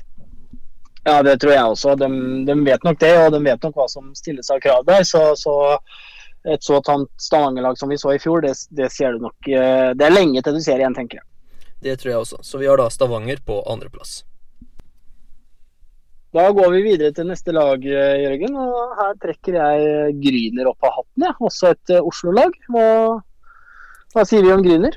Nei, jeg sier at Gryner ikke kommer til å nå sluttspillet i år heller. Men de kommer til å være fryktelig nærme. ja, jeg kan være veldig enig. Det er som både du og jeg har sagt, og flere har sagt, at det, det blir veldig jevnt de siste tre plassene kontra de syv øverste plassene, kan du si. Eh, men jeg, jeg, tror nok Ringerike kommer til å være litt mer stabile enn det Grüner kommer til å være, som gjør at de kommer til å havne rett bak på en, eh, på en grei niendeplass. Ja, og så er grunnen til det er rett og slett at vi tror Ringerike kommer til å skåre flere mål. At de har litt mer offensiv tyngde i Oslin og Pellini, kontra da eh, Gossi, Berling og Trym Auren, som mest sannsynlig blir de som kommer til å plukke mest poeng for eh, dette Grünerlaget. Ja, jeg er helt enig. Jeg er også de på, på blokka. og jeg, jeg, tror nok også Gryner har, har, vært oppe et par sesonger nå. og De, de har jo eh, vært med på å gjort mye rart. Det var jo også det laget som skåra i første målet i nye Jordaland Fi. Men basert på spillet deres, så, så er det veldig mye opp og ned. Eh, det er ikke den stabilheten som gjør at de kan sanke flere poeng, kontra da Ringerike, som vi nevner. Men, eh, men det er klart, altså, det kan jo vippe deres vei, men, men, jeg tror ikke det kommer til å skje i år. Nei, det tror ikke jeg heller. Eh, og så har vi jo da sammenligna litt eh, keepere her i forhold til de laga vi anser nederst og ikke. For da er jo da Petterson eh, har vi presentert tidligere her for Ringerike. Gryner har henta en veldig spennende keeper i Papillon, som kommer fra Mulhouse i Frankrike. Og det er også landslagskeeperen til eh, Frankrike. Og tidligere denne uka så sto han jo en kjempekamp mot uh, Stjernen, så eh, ja. Foreløpig så har vi rangert disse keeperne ganske likt, men hvis Papillon viser seg i det hjørnet han var i her om dagen, så, så kanskje vi må revurdere tipset litt her. Men foreløpig så har vi da fortsatt Ringerike forhold. Ja da, jeg er helt enig, og det er klart at det blir serien eh, også veldig, veldig lite mål skåra i serien, som gjør at keeperne blir den der nøkkelspilleren til alle lag. Noe jeg ikke tror, dessverre. Men jeg tror nok ikke det Grünerlaget kommer til å opprettholde like stort press gjennom tre ganger 20 i, i så tøffe og tette matcher. Eh, så, så, men, men, noen ganger så, så, vipper det deres vei, som gjør at de kan sanke poeng kanskje mot en av de topplagene som ikke helt så for seg. Uh, men så kan du slå motsatt vei, da, mot et lag som de skal liksom være med og kjempe om de der tre poengene. Kanskje mot Ringerike, kanskje mot MS, som gjør at de mister ett eller to poeng. Ja, Nei, det er, det er helt sant. Men da vi har lagt Gryner da på niendeplass, og så er det ikke utenkelig at det kan bli det første sluttspillet inn på Løkka, hvis uh, ting klaffer litt. Ja da, det hadde vært kjempegøy. Yep. Da beveger vi oss eh, videre, Jørgen. Det er ikke mange laga igjen nå, men vi trekker opp uh, ja, kanskje et lag som vi plasserer på tredjeplass. Frisk Asker. Ja. Og tenker vi der? Nei, det er jo fjorårets seriemester, det. Det er ikke sikkert de er like fornøyd med en tredjeplass sjøl, men alt i alt nå, med de spillerne de har eh, mista og hentet inn, så føler jeg at likevel at de er et lite hakk bak uh, Vålerenga og Stavanger. Ja, jeg er helt enig. Og jeg syns de har vist noe variert i, i den der preseason. Nå spiller de jo også CHL, hvor de har fått litt så hatten har passa. Men ja, jeg, jeg, tror nok eh, Frisk Asker ikke klarer å holde helt ut, det som gjør at de kommer på, på første eller andre. Eh, det, det, blir nok tredjeplass, men, eh, men, det er klart de er avhengig av de spillerne de har fått inn. Og avhengig av også at Hampus Gustavsson leverer varene, og Niklas Dahlberg selvfølgelig. Ja, og Dahlberg er jo en eh, klassekeeper i seg sjøl, men samtidig så har de eh, Fayen Vestavik som reservekeeper. Og Fayen Vestavik har vel til gode å stå en eneste dårlig kamp mot Stjernen. Eh, jeg syns at han står mot Stjernen stort sett hver gang, og da gjør han det veldig, veldig bra. Ja da, han er en kjempegod keeper, og det er morsomt at det, at det gror bra på keepersida og, og yngre gutter. Men Men eh, for at Frisk Asker skal også holde eh, tredjeplassen, så ikke den blir tatt igjen av f.eks. Storhamar eller, eller, noen andre lag, så, så er de avhengig av at det, det, treffer i alle ledd også. Ja, og så er det da Det er tunge navn som har uh, gått ut av dette Asker-laget. Bobby McIntyre eh, starta sesongen veldig bra i fjor. Eh, falt litt av etter hvert. Men eh, det er jo ikke noe tvil om at det var en god spiller. Viktor Bjørkung har gått ut. Max Krogdal Thomas Valke Olsen. Og så har da Fredrik Lystad Jacobsen lagt opp. Og det er klart, det er eh, Alle de navna der hadde jo spilt i hvilket som helst av de andre topplaga også. Ja da, det er eh, fantastiske spillere alle sammen som har gjort, eh, gjort seg solid med, med erfaring innen hockey, holdt jeg på å si. Men det er klart når du mister dem, da, så, så, så ser det litt sånn vanskelig ut for Frisk Asker igjen. Ja. Eh, det, ja, det er ikke noe tvil om det. Ja, nye spillere, så har de henta inn da Niklas Nevalainen på backplass. Er liten av størrelse og gjort få poeng de siste åra, men han har jo da tross alt spilt fire siste sesongene i liga. Og han har en veldig god erfaring som det ikke er så mange som andre Som mange, andre som har. Eh, han har nok kanskje også større muligheter til å få litt mer offensivt ansvar, men eh, det blir spennende å se hvor god han er offensivt, da. Absolutt. Eh, ellers har de da fått tilbake Leif Fogstad Wold fra Olten i Sveits. Det er en eh, spennende spiller. Så har de jo da signert David Morley fra Stavanger, og det er jo en eh, målspruta, rett og slett. Det er en eh, målgarantist som eh, gjerne også er godt over poenget i snitt. Og hvis han får til det i det Asker-laget, så, så, erstatter jo han McIntyre ganske greit. Ja ja, det gjør han jo, og man vet jo hva man får i Morley, for han er en eh, en fantastisk hockeyspiller som, som gjør mye. Eh, det er klart Hvis han eh, sanker godt med poeng og får med da de andre spillerne som også eh, skal gjøre godt med poeng, så, så kan Frisk Aske være, være stor kandidat til også å klatre kanskje en plassering. Men jeg, jeg, tror det kommer litt sent i serien, dessverre. Ja, jeg, vi er jo helt enig i det. Jeg skal bare nevne målet. har 199 poeng på de siste 159 kampene i Norge. Det er, det er solid. Ja, kjempebra tall. Eh, og så har de da også fått inn eh, Jacob Legacy, eller Legacy, jeg er litt usikker på hvordan jeg uttaler det. Eh, han har da 50 poeng på 46 kamper sist han var i Norge. Da imponerte han i Stavanger. Eh, fjorårssesongen så var han i Frankrike, og der imponerte han ikke. Der fikk han 17 poeng på 21 kamper, og var faktisk helt nede på 42.-plass på totale toppskårerlista der. Det, det, er overraskende. For jeg, den franske ligaen er ikke så sterk, så at han havna så langt nede der, det, eh, det stiller jeg meg litt undrende til. ja, det, det, kan jo være mye rart, det selvfølgelig. Det handler om å komme godt i gang og, og, og finne rekkekamerater og, og, gjøre at man blir, eh, blir riktig observert på banen, kan man si. Da, at man får de sjansene man skal ha. og så treffer man ikke helt på spikeren der, og så, og så strutter det litt imot, og så, og så, kommer ikke de poengene som man forventer. og Det er klart det at det, det kunne vært andre veien, det at han hadde gjort en haug med poeng og så gått et helt annet lag. Men jeg tror nok eh, han kommer til å trives bra i Fiskhanske, det tror jeg. Ja, eh, og i og med at de vant serien i fjor, da, så kan vi også da, som jeg sa, eh, de har fått inn Nevalainen, men de har da mista Bjørkung og Krogdal. Og så satser de da på at denne Thomassen skal ta noen steg. Eh, det har også vært snakk om inne på Asker at de eh, vurderer og ser etter muligheten etter en ny bekk. Om han kommer, vet jeg ikke. Og hvis de får inn en ny klassebekk der, så kan det, kan det være nok til å vippe Frisk eh, en posisjon opp eller to. Men med det laget de har akkurat nå, så ser jeg Stavanger og Vålerenga sterkere. Ja, jeg er helt enig med deg. Men igjen da, så er det en jevn liga som, som alle spør. Eh, så får vi jo se da hvem som kommer best ut av det i starten. For jeg tror starten i år blir eh, mer viktig enn noen gang. Ja, det er det ikke noe tvil om. Og de har jo eh, haugevis av spillere som kan ta både poeng i viktige, avgjørende kamper, og de har erfaring her. De har Bastiansen, Endre Medby har signert ny kontrakt. Viktor Granholm var meget god i fjor.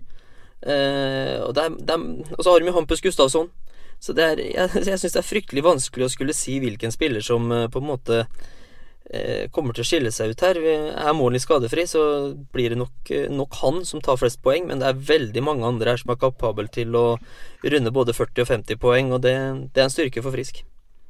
Absolutt, og så får vi jo se da om, om de klarer å, å, opprettholde det. Og som du sier, da, en, en skade på målet kan gjøre, gjøre veldig vondt for Frisk Asker. Men, men, jeg tror nok i realiteten at, at en tredjeplass der, og så skal man selvfølgelig gjøre seg ferdig med COL og litt diverse der, og, og, og sluttspillet, da. Der kan jo selvfølgelig alt skje. Ja, helt klart. Og så har vi også kontinuitet på trenersiden med Aasland og Wold, som har fått, eh, fått veldig mye ut av dette Frisk-laget. Og det er vel kontinuiteten også som er en fordel for eh, Frisk her. Men uansett, vi har dem på tredjeplass. Da trekker vi et uh, nytt uh, Oslo-lag, vi Jørgen. Og det laget vi ikke har snakka om, det er jo MS, det. Ja, MS hører jo til da i garasjen inne på Manglerud, som det hjemmebanen der blir kalt. Vi har faktisk satt MS på sisteplass. Ja. Tiendeplass på MS i år. Det er nok ikke de så veldig fornøyde med, men jeg, jeg tror eh, MS er et av de lagene som kommer til å slite veldig mye i år, som, som de kanskje ikke ser for seg. Eh, det har vært litt sånn utfordringer der. Eh, ny trener, mista Håkon Nilsen, også noen økonomiske utfordringer, som gjør at det tror jeg blir veldig ustabilt for det MS-laget. Ja, eh, det er jo som du sier, man har mista flere spillere her. Samtidig så MS i oppkjøringa nå har spilt Jeg mener det var seks eller syv kamper her, og de har vunnet én kamp mot Gryner, tapt én kamp mot Gryner. De har tapt begge mot Sparta, de har tapt begge mot Stjernen. Og Nei, jeg, jeg syns rett og slett det manglerlaget ikke har sett bra ut i det hele tatt i oppkjøringa.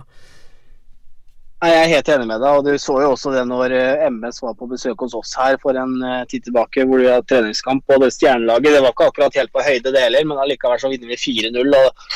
Ja, Det sier litt, eh, litt om det MS-laget i år. Jeg tror de kommer til å bli veldig, veldig svake. Eh, som gjør at de havner såpass langt nede. Ja, Men eh, samtidig, da. De har, som du sa, mista Håkon Nilsen. De har mista Pontus Finstad, som en av de virkelig gode eh, spillerne deres i fjor. Hagli Mathisen toppa toppskårerlista før jul og var rett og slett kanongod. Eh, han var jo på lån fra Stavanger, men har nå endt opp i Storhamar. Eh, og de kommer til å savne både Finstad og Hagli Mathisen her, det er det ikke noe tvil om.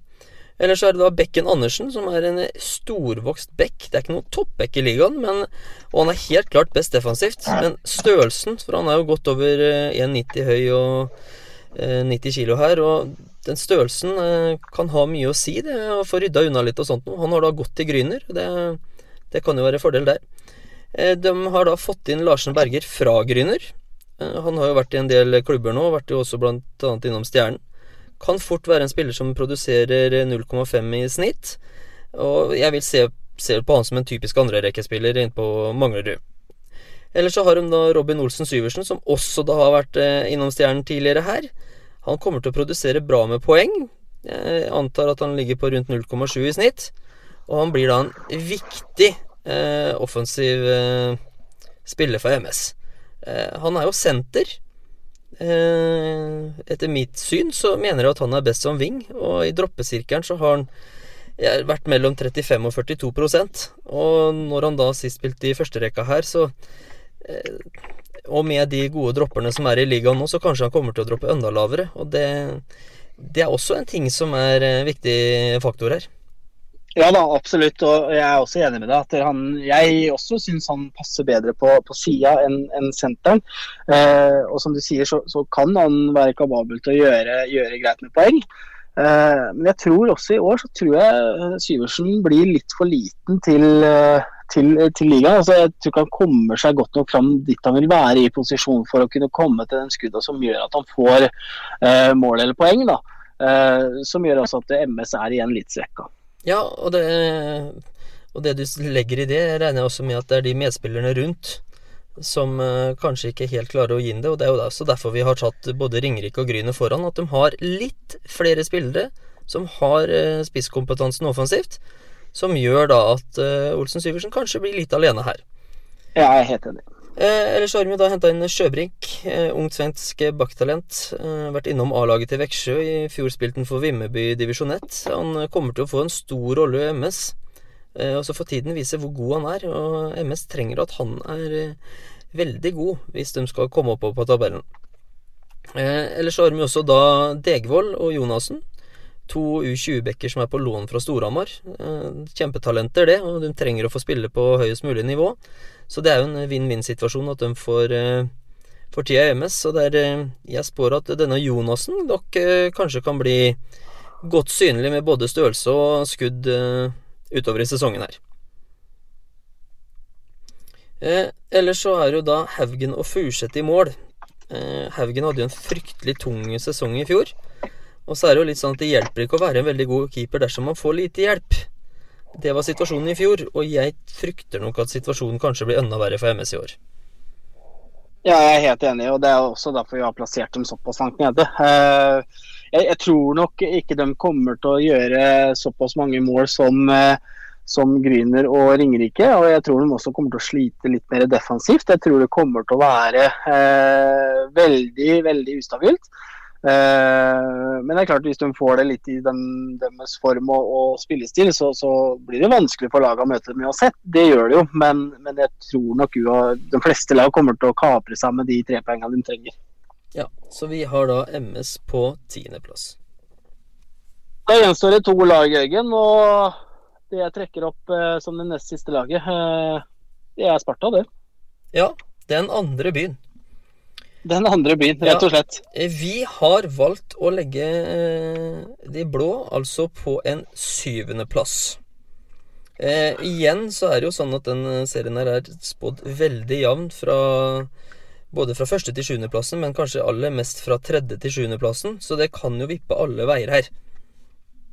Ja da, det, det, kan det. Og det er klart at det, jeg har sett flere som har tippa Sparta litt høyere opp, jeg også, enn det, enn det vi har gjort, selvfølgelig. Og får dem alt å treffe. Og det ser ut som i år at de har fått litt mer fokus på det på å skåre mål eh, i kontra å treffe stenger, som de har gjort veldig ofte tidligere. Så, så kan det Sparta-laget her eh, være med på å klatre kanskje to og tre plasser opp også. Det vet man jo ikke. Men, men syvendeplass på Sparta, det det tror jeg er eh, litt realiteten og, og, litt sånne ting fra vår side. Ja, og så er det det at eh, hvis de tar ting som taler for Sparta her, da, så er det jo kontinuitet som er i fokus. Eh, de har hatt mye av den samme stammen i flere sesonger, og de har gjort fornuftige grep foran den kommende sesongen nå. De har henta inn spillertyper de har savna, og dersom de innfrir, så kan det bli veldig bra. Eh, men grunnen til at jeg er usikker på om de kommer særlig høyere på tabellen, er også at de lagene rundt har forsterka litt. Eh, kanskje da med unntak av Lillehammer, men det var, det var en nokså stor avstand mellom Sparta og Lillehammer i fjor. Eh, I forhold til det med points per game-gjennomsnittet som ble regna. Så det er ganske mye poeng Sparta skal klare å ta inn for å ta igjen Lillehammer, og jeg er ikke så sikker på om de klarer det, også. Nei, jeg er helt enig med deg. Eh, og så har de jo da mista denne Kristoffer Carlsen til eh, til Stavanger, eh, som er en av Spartas beste, eller som var en av Spartas beste spillere, mener jeg, da. Uh, og så, så, tror jeg ikke det stagnerer Eller jeg tror det kommer til å stagnere litt på Sparta i år, dessverre. Men syvendeplass, det, det får bare briste og bære, det. Ja da, det gjør jo det. Men sa, de har, de har gjort noen endringer i spilletroppen sin her også. Det er Uh, Jens Christian Lillegren var jo keeper i fjor. Han fikk ikke fornya kontrakt, og Innsarm henta Jake Patterson fra Allen Americans i SCHL, og det er en uh, det er en god keeper, og de har nok uh, forsterka seg litt på keeperplassen. Samtidig så har de henta inn denne Faggerud på backplass, en spiller som har et godt skudd. Eh, og det har de jo mangla litt eh, på sesonger nå, en ordentlig back i Powerplay. Eh, Nilsson har vært bra der ute, han, men det, ikke, det, har ikke vært den tyngden og den trusselen på blå eh, som spiller motstanderlaget har trengt å ta eh, Hva skal jeg kalle det? Særlig stilling til. Men nå er de nødt for å eh, rett og slett stenge den linja ut der, for han, han skyter veldig bra. ellers så er det jo da litt skryt til Sparta. De har jo da mista Lilleberg til eh, Sverige her. og Han ble også drafta i NHL, og det, det er jo morsomt at uh, vi i Norge klarer å produsere spillere som blir drafta. Selv om det er de, ja, de blå, de skal ha heder og ære for den uh, ungdomssatsinga si. Der har de vært gode gjennom flere år. Ja, jeg er helt enig, og, og det er kjempemorsomt da, både for, både for Lilleberg og Sparta, selvfølgelig, men også for Hockey-Norge at det er en, er en, ung nordmann som blir drafta. Vi, vi, må faktisk ta med oss det. For jeg personlig også syns det, det, er kjempegøy. Ja, helt klart. Eh, så det er eh, I tillegg så har vi jo da henta Ponomarenko fra Stjernen. Han kjenner vi jo godt til. Eh, Ponomarenko er en eh, god spiller, han. Definitivt best eh, defensivt. Og kanskje ikke så god med spillet med puck. Men eh, det er jo en, en spiller som kommer til å rydde opp, og kommer til å spille veldig mye boxplay, tipper jeg, der oppe. Ja, det tror jeg også. Og samtidig som vi har sett på Ponomarenko før, så er han først ut i å tekke skudda. Eh, noe som er viktig eh, hos alle lag, at du har en spiller som, som, som går fram. og det, det, tror jeg Sparta kommer til å se mye av på Ponomarenko i år. Ja, så backbesetninga til Sparta da består av Faggerud, Ponomarenko, Nilsson, Sodski, Håkon Løken Pedersen skal vi også se litt opp for. Hvis han tar videre steg fra i fjor, så blir det veldig bra. Eh, Meisingset, og så har de da lillebror Lilleberg og Jessesen.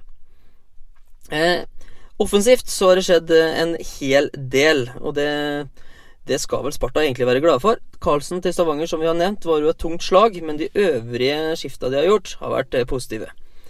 Øman, Tangen Henriksen og Salonen ut. Inn har eh, Jeg velger nesten å si Daniel Olsson, eh, for han heter jo Daniel Olsson, og så har han Trekulja til etternavn. Jeg, jeg, vet ikke om jeg uttaler det riktig, men det Nå skal vi snart ha Sparta, da får vi lære det på riktige måten der. Så har de henta inn da Emil Lundberg fra Allsvenskan, som har gjort nesten latterlig mye poeng der borte. Og Håvard Salsten fra Gryner, som også var meget bra.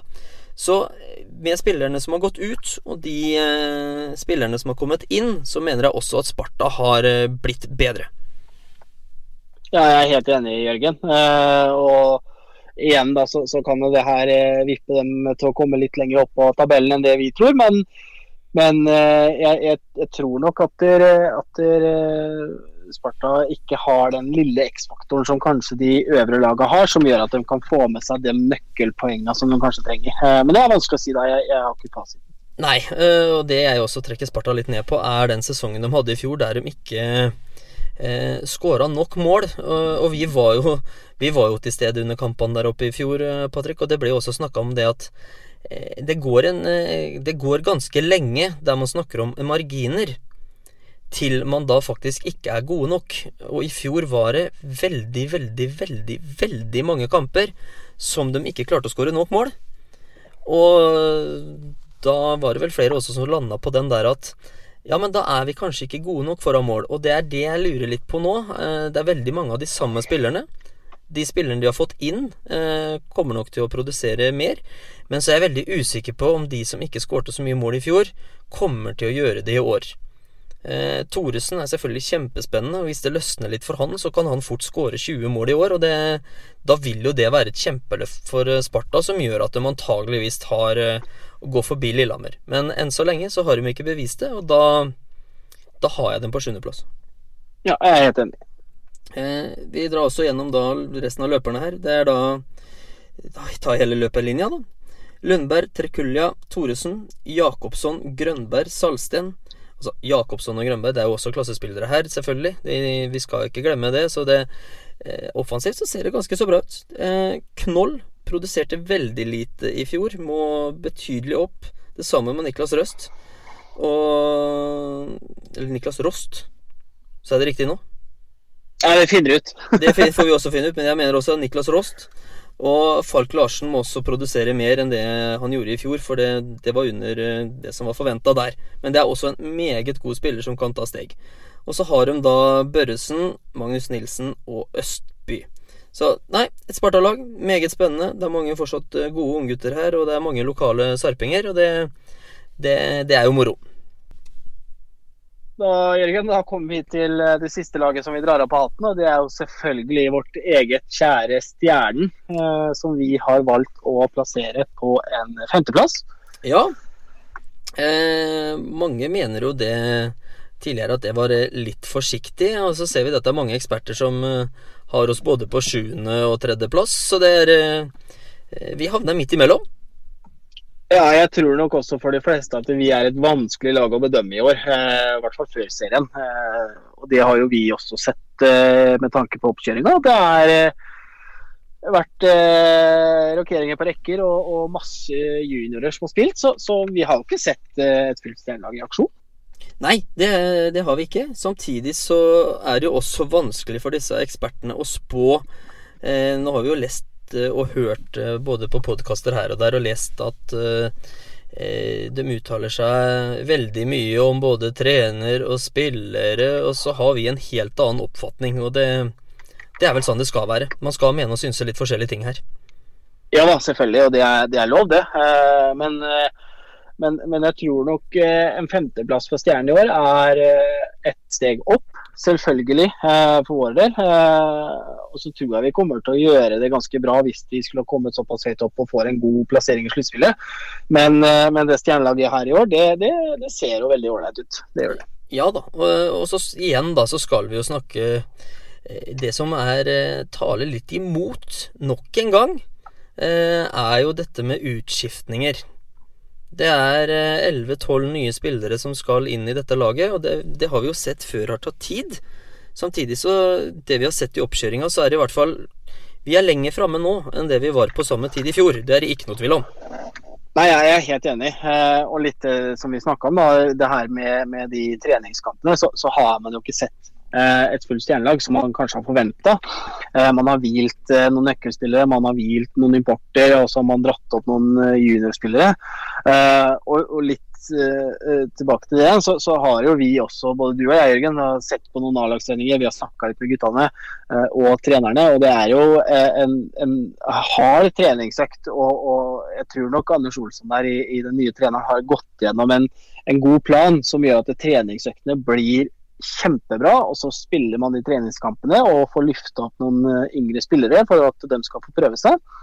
Og når serien starter, så, så er vi på en måte på jobb med en gang. Ja, og så er det som han Olsson sier sjøl, at klubben har et mål. Vi skal ha fram egne unggutter. Og da er det viktig å bruke dem. Og det er eh, Løfter opp en junior og døtteren i fjerderekka, så produserer du fjerderekkespillere. Og det Tidligere denne uka her så var jo Kangelosi sto jo over, og da var det Riley Brace og Heier som eh, fikk da Kasper Myklebust mellom seg. Og det er klart da Da får disse juniorene, når de først er med også, så får de jo virkelig muligheten til å vise seg fram. Og det, det vet vi at det er mange som setter pris på, i hvert fall. Ja da, det har vært eh, en suksess, vil jeg si, med de spillerne som har eh, blitt henta opp i forskjellige spillere. Sondre Grønli, eh, Odin Helgesen, Myklebust, som du sier. Tilman har vært oppe. og De har også fått spilletid, noe som jeg syns er veldig viktig for de, og, og at Anders Olsson da gjør det riktig med tanke på at man skal fostre egne. Ja, du kan ta med Georgsen og Arntzen her, og det er flere. Så det, det, det, er veldig moro at såpass mange har fått muligheten. Og det er jo det det er jo det valget man har tatt, som man sier. At de skal få muligheten når uh, muligheten tilbyr seg. For de kommer jo ikke til å få det i serien. Og de da, hvis de da skal få være med, så er det nå. Ja da, jeg er helt enig. Og samtidig, hvis vi skulle vært såpass uheldige at vi får eh, kan du si et par-tre skader som, som er eh, litt alvorlige, da, så, så, har de allerede vært oppe. De har snakka litt, de har vært i garderoben, de har spilt kamper de har liksom gjort seg et fjes der, og, og da, da, tror jeg det er kanskje enklere å komme litt fort i gang igjen, da. Ja, uten tvil. Eh, vi kan jo da begynne med hva som er nytt. Vi har vært inne på at vi har fått en ny hovedtrener i Anders Olsson, som har lang fartstid fra de største klubbene i Europa, faktisk. Som både general manager og eh, U, skal vi kalle det, U20-trener. Eh, ja, det er helt riktig, det. ja, eh, har ikke så veldig mye erfaring som hovedtrener på seniornivå, men samtidig, med den assistenttrenerbiten og hva han har vært med på, så er det en særs merittert trener vi har fått oss. Ja, jeg er helt enig. Ja, altså. Eh, han har gjort, gjort, seg veldig kjent i de store ligaene, som du sier. Og, og, en fantastisk person også å snakke med på, på Thomasson. Han er en veldig hyggelig fyr. Ja, genuint interessert, bryr seg om både byen, klubben, alle rundt klubben. Eh, veldig opptatt av supporterklubben når jeg har hatt samtale med han.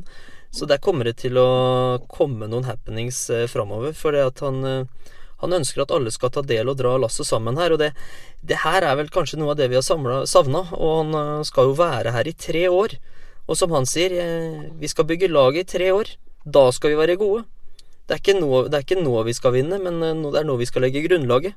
Og det, det har han jo virkelig begynt på med å dra fram disse ungguttene her og sånt så det, det, ser veldig positivt ut. Samtidig som han sier at vi, vi skal vinne kamper. Og det ønsker han jo å begynne med så fort som mulig. Og det, nå er det Vålerenga til helga, og det blir, det blir morsomt. Ja, det blir kjempegøy, og endelig er serien i gang igjen, kan vi jo si. Eh, det skal bli godt.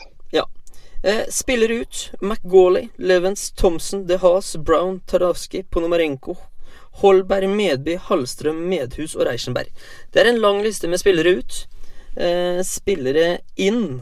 Der eh, kan vi jo da rett og slett begynne med Filip Gunnarsson. Der har vi henta en spiller med erfaring fra ni sesonger i Vålerenga. Vet hva det vil si å være med i toppen, og hva som kreves i en treningshverdag. Og det, vi har hørt den og lagt merke til den i Stjernen også allerede. Og det, det er en spiller som går foran for å virkelig vinne kamper. Ja da, det er det. Han er jo en uh, fantastisk lagspiller. Og, og, også i Stjernen så blir han assisterende kaptein. Så, så Philip Gunnarsson, som nå kommer til å spille back, tror jeg du kommer til å se mye av både på og utenfor isen. Ja, så har vi da Ole Einar Engeland Andersen fra Storhamar. Eh, Unggutt som produserte mest av bekkene til Storhamar i fjor. Samtidig så har han på en måte ikke hatt den rolla i Powerplay som han har eh, fått i stjernene i treningskampene her. Han har jo eh, virkelig vist seg fram med et ordentlig godt skudd her. Ja da, og det så man jo også når vi arrangerte denne her Stjerneskills, uh, Jørgen. hvor man hadde store forhåpninger. Det var litt sånn feil med den telleren, men i de powerplaya han har vært i og de mulighetene han har fått, så har han virkelig tatt sjansen. Og de, de skudda, de sitter også. Ja, det er ikke noe tvil om. Og at eh, Ola Einar Hengeland Andersen kommer til å produsere poeng for Stjernen, det kan vi ikke love på forhånd hvis han eh, holder seg skadefri. eh, ellers så har vi jo da henta inn eh, Brendan Ellis fra Lillehammer. Eh, Ellis er jo da en eh, erfaren ringrev her som Som er Hva skal vi kalle den? Han er solid med puck. Eh, sjelden han mister den. Han er ganske så stor og sterk og holder unna. Det kommer til å Han har hatt en veldig offensiv rolle på Lillehammer. Det er ikke sikkert han kommer til å få den like offensivt her. Nei, det er eh, det jeg sitter også med inntrykk av. At han, han er selvfølgelig en kjempegod bekk. Eh, solid vet at han er flink til å bruke god tid, eh, samtidig som han er flink til å slå de nøkkelpasningene. Eh, men, men eh, om han får en sånn eh, offensiv rolle, som du sier, det gjenstår å se. Eh, han har også, sammen med Gunnarsson, blitt årets assisterende kaptein. Eh, ikke det at det har så veldig mye å si, men det, men det, det gir et inntrykk at vi, vi også viser han tillit av at han kommer til å gjøre det bra i Stjernen. Det tror jeg. Ja, og det er en ledertype, uten tvil. Og så har vi jo da denne Kevin Davis. Det er en spiller jeg gleder meg til uh, utover i sesongen her. Uh, også litt likhet med de vi har hatt uh, tidligere fra over da, men trenger litt tid. Syns han har vist seg fram positivt nå, men det jeg har sett han tidligere I år har jeg satt ny rekord, forresten, Patrick. I år har jeg runda 15 timer i gjennomsnitt på disse importene våre på video. Det er ikke gærent. Nei, det er absolutt ikke gærent. Mens andre sitter og ser på litt sånn uh hockeycoaching, så sitter du og ser på høydepunkter. Det er bra, det. Ja da. Eh, og så kan jeg også da si at hele denne stjernetroppen med alle importer osv. ligger eh, Hvis folk er veldig interessert, så kan man gå inn på hockeyforum.no og se på presentasjonen av lagene, og der ligger det da eh, litt om alle stjernespillerne med både linker til podkaster, det ligger videosnutter på hver enkelt, og så står det litt om samtlige lag i ligaen, rett og slett. Litt av det vi snakker om i dag. Så hockeyforum.no der, altså. Eh, men denne Kevin Davies da, er en spillende back med gode offensive kvaliteter. Godt skudd, og så har han et fantastisk overblikk. Eh, jeg antar jo at han kommer til å stå og styre ett av powerplaya fra, fra blålinja, og eh, ja, han er rett og slett god på skøyter, og det er en klassespiller vi har henta inn her, altså.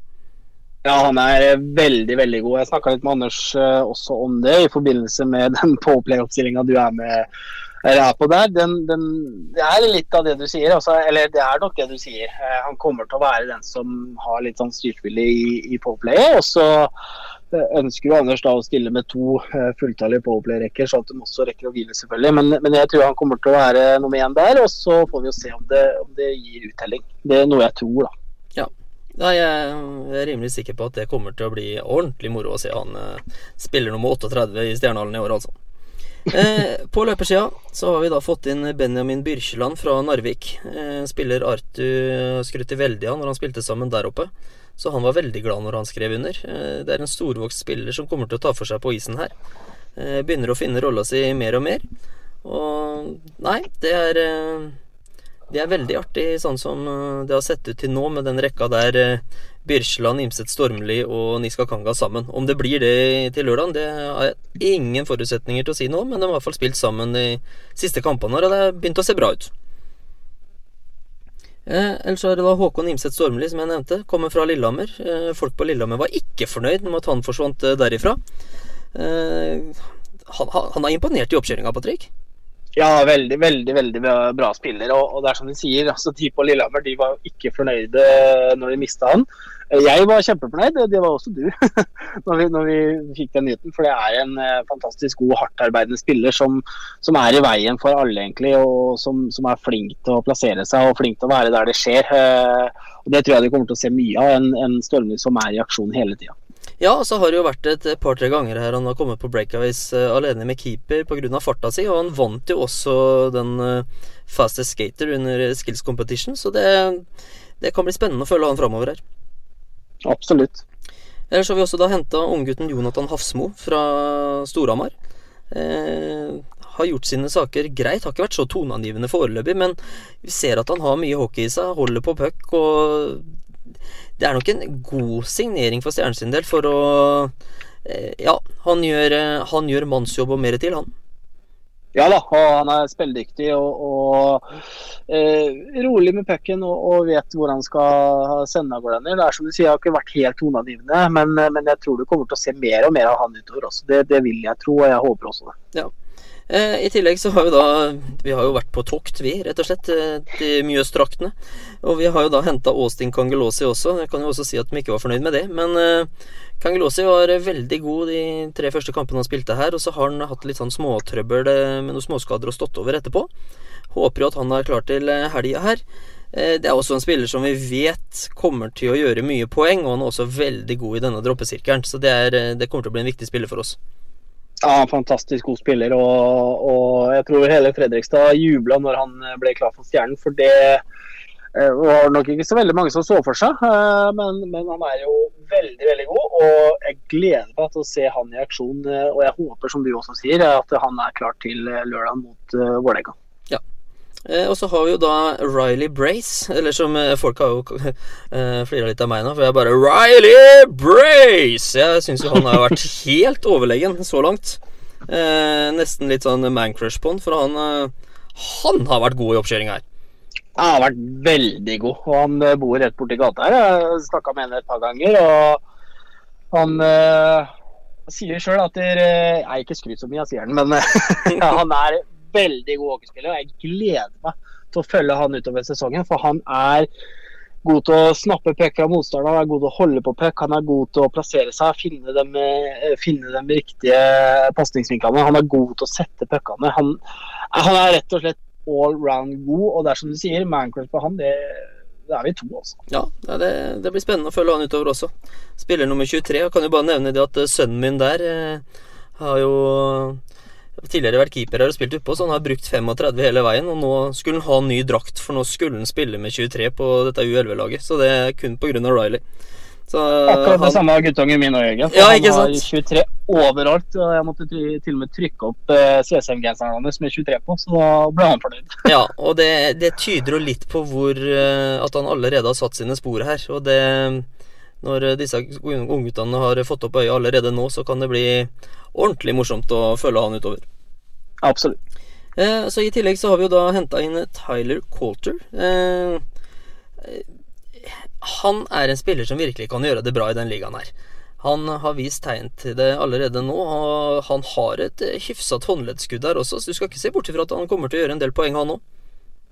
Ja, en, en, også igjen da, en, en, veldig god spiller og en fantastisk person også utafor isen. Han er veldig hyggelig å snakke med. Eh, men, men, igjen, da, som du sier, så har han et bra, et bra skudd. Og, og, han er også veldig flink til å være den derre eh, andre-tredje-spilleren inn, inn, i nærkampene, som gjør at han klarer å luke med seg pucken ut. Noe jeg tror du kommer til å se veldig ofte. Eh, for han er en, en eh, veldig bra spiller til å lese de der neste stega, eh, som gjør at vi kan få utnytta det og gjøre mye poeng.